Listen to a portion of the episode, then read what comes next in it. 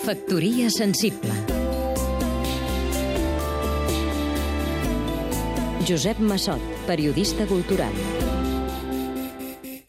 Els tecnòcrates ens han fet creure que vivim un món regit per la ciència i la tecnologia.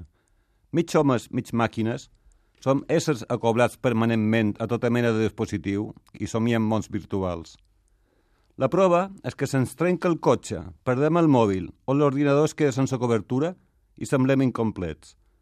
Si una nit una apagada elèctrica ens deixa sols i a les fosques, ens entra un profund desassossec fins que torna la llum i podem connectar-nos a tots els nostres aparells elèctrics.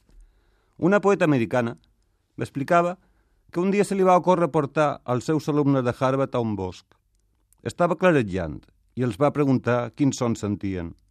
Passats uns minuts, ell li van contestar que res, que no sentien res.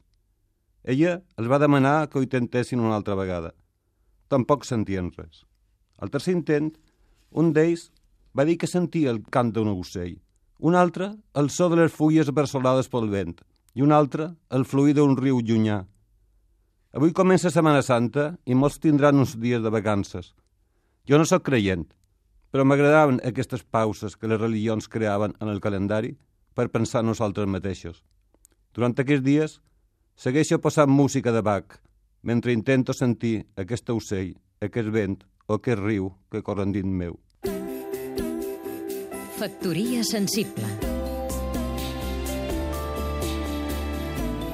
Seguim-nos també a catradio.cat